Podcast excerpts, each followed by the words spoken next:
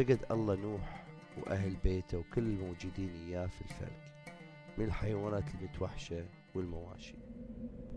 وقام الله رسل ريح إلى الأرض وقلت المياه شوي شوي وتسدت ينابيع المياه اللي كانت تدفق من الأرض وأبواب السماء تسكرت والمطر وقف. وبعد 150 يوم قل الماء. وفي يوم 17 من شهر سبعة وقف الفلك على جبال اسمها جبال أرارات ومن شهر سبعة لحد شهر عشرة الماي شوي شوي صار يقل. وفي أول يوم من شهر عشرة بينت كمم الجبال. وبعد أربعين يوم فتح نوح الدريشة اللي سواها في الفلك وطير غراب. والغراب ظل رايح جاي على الفلك. لحد ما جفت المياه على وجه الأرض. وبعدين طير نوح حمامة عشان يشوف إذا الماي نزل لقاع الأرض. لكن الحمامة ما حصلت مكان تستقر عليه ورجعت للفلك لأن الماي لسه مغطي سطح الأرض.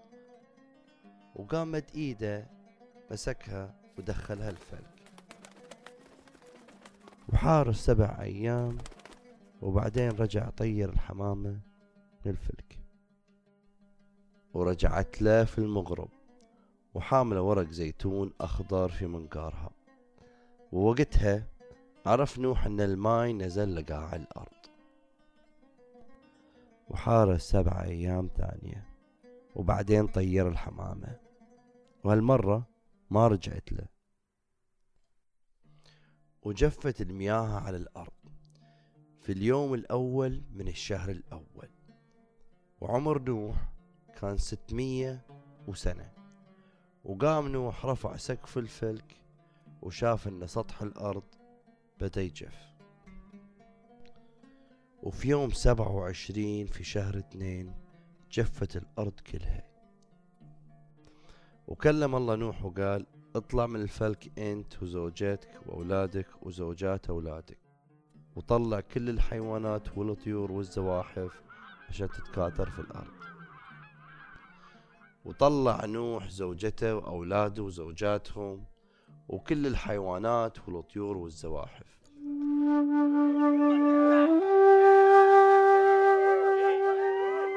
وبنى نوح مذبح لله الحي وأخذ شوية حيوانات وطيور طاهرة من كل نوع وقدمها ضحية على المذبح.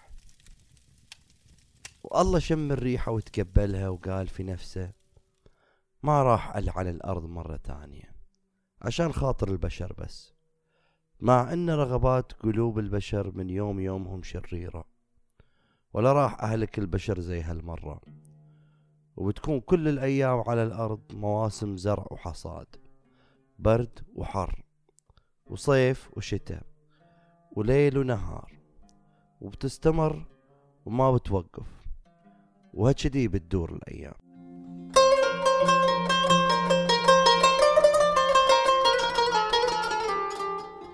وبارك الله نوح أولاده وقال إليهم اثمروا وتكاثروا وترسوا الأرض. بأخلي كل الكائنات الحية اللي تمشي على الأرض وكل طيور السماء وكل ما يتحرك على الأرض وسمك البحر يخضعوا إليكم ويهابوكم. هديها كلها تحت إيديكم وسيطرتكم. وكل شيء حي يجوز تاكلوه زي ما تاكلوا النباتات الخضراء تقدروا تاكلوا لحم الحيوانات بعد. لكن لا تاكل لحمه بدمه. لكن دم البشر أنا اللي بطالب به. بطالب به من إيد الحيوانات المتوحشة. وبطالب الإنسان بدم أخوه الإنسان. اللي يقتل ويهدر دم ينهدر دمه. لأن الله خلق الإنسان على صورته. الحين انتون تكاثروا وجيبوا أولاد وعبوا الأرض بنسلكم. وبعدين قال إليهم هدانا الحين بعطيكم وعد إليكم وإلى نسلكم اللي بيجوا بعدكم وكل المخلوقات الحية اللي إياكم الطيور والحيوانات والزواحف اللي طلعت إياكم من الفلك وكل كائن حي على هالأرض. وعدي إليكم أني ما أهلك البشرية مرة تانية بالطوفان ولا عمره بيصير في طوفان تاني يخرب الأرض والحياة.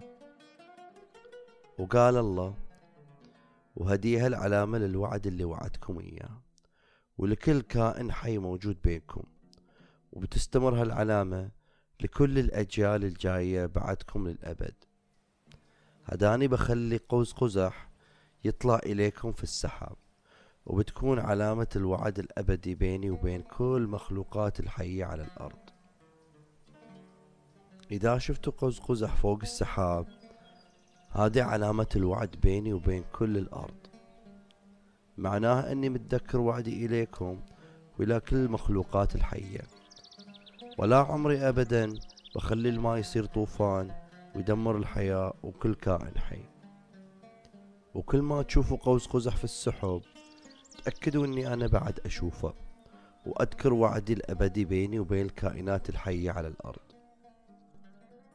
وقال الله لنوح خلاص هديها علامة عهدي بيني وبين كل كائن حي على الأرض.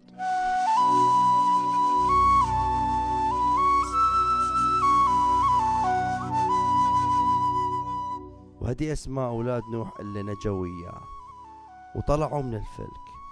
سام وحام ويافث. وحام هو أبو كنعان. ومن أولاد نوح الثلاثة تشعبت منهم كل شعوب الأرض. نوح كان فلاح وكان يزرع عنب. وفي يوم شرب خمر وسكر وقام انبطح عريان داخل خيمته. وشاف حام أبو كنعان أبوه عريان. وقام طلع برا. وراح قال لأخوته اللي شافه. بعدين سام ويافه قاموا أخذوا ثوب وحطوه على كتفهم. ودخلوا الخيمة يمشي بالعكس. عاطين أبوهم ظهرهم. وغطوا أبوهم وستروا عورته. بدون ما يدوروا وجههم. عشان ما يشوفوا أبوهم عريان. يوم ابتعى نوح وعرف وش سوى ولد الصغير. قال إن شاء الله يكون كنعان ملعون ويكون عبد العبيد لأخوته. وبعدين قال مبارك اسمه إلى حسام. وإن شاء الله كنعان بصير عبد عنده. وإن شاء الله يفتحها في وجه يافث ويسكن في خيام سام ويصير كنعان عبد عنده. وعاش نوح بعد الطوفان 350 سنة وكان عمره 950 سنة يوم مات.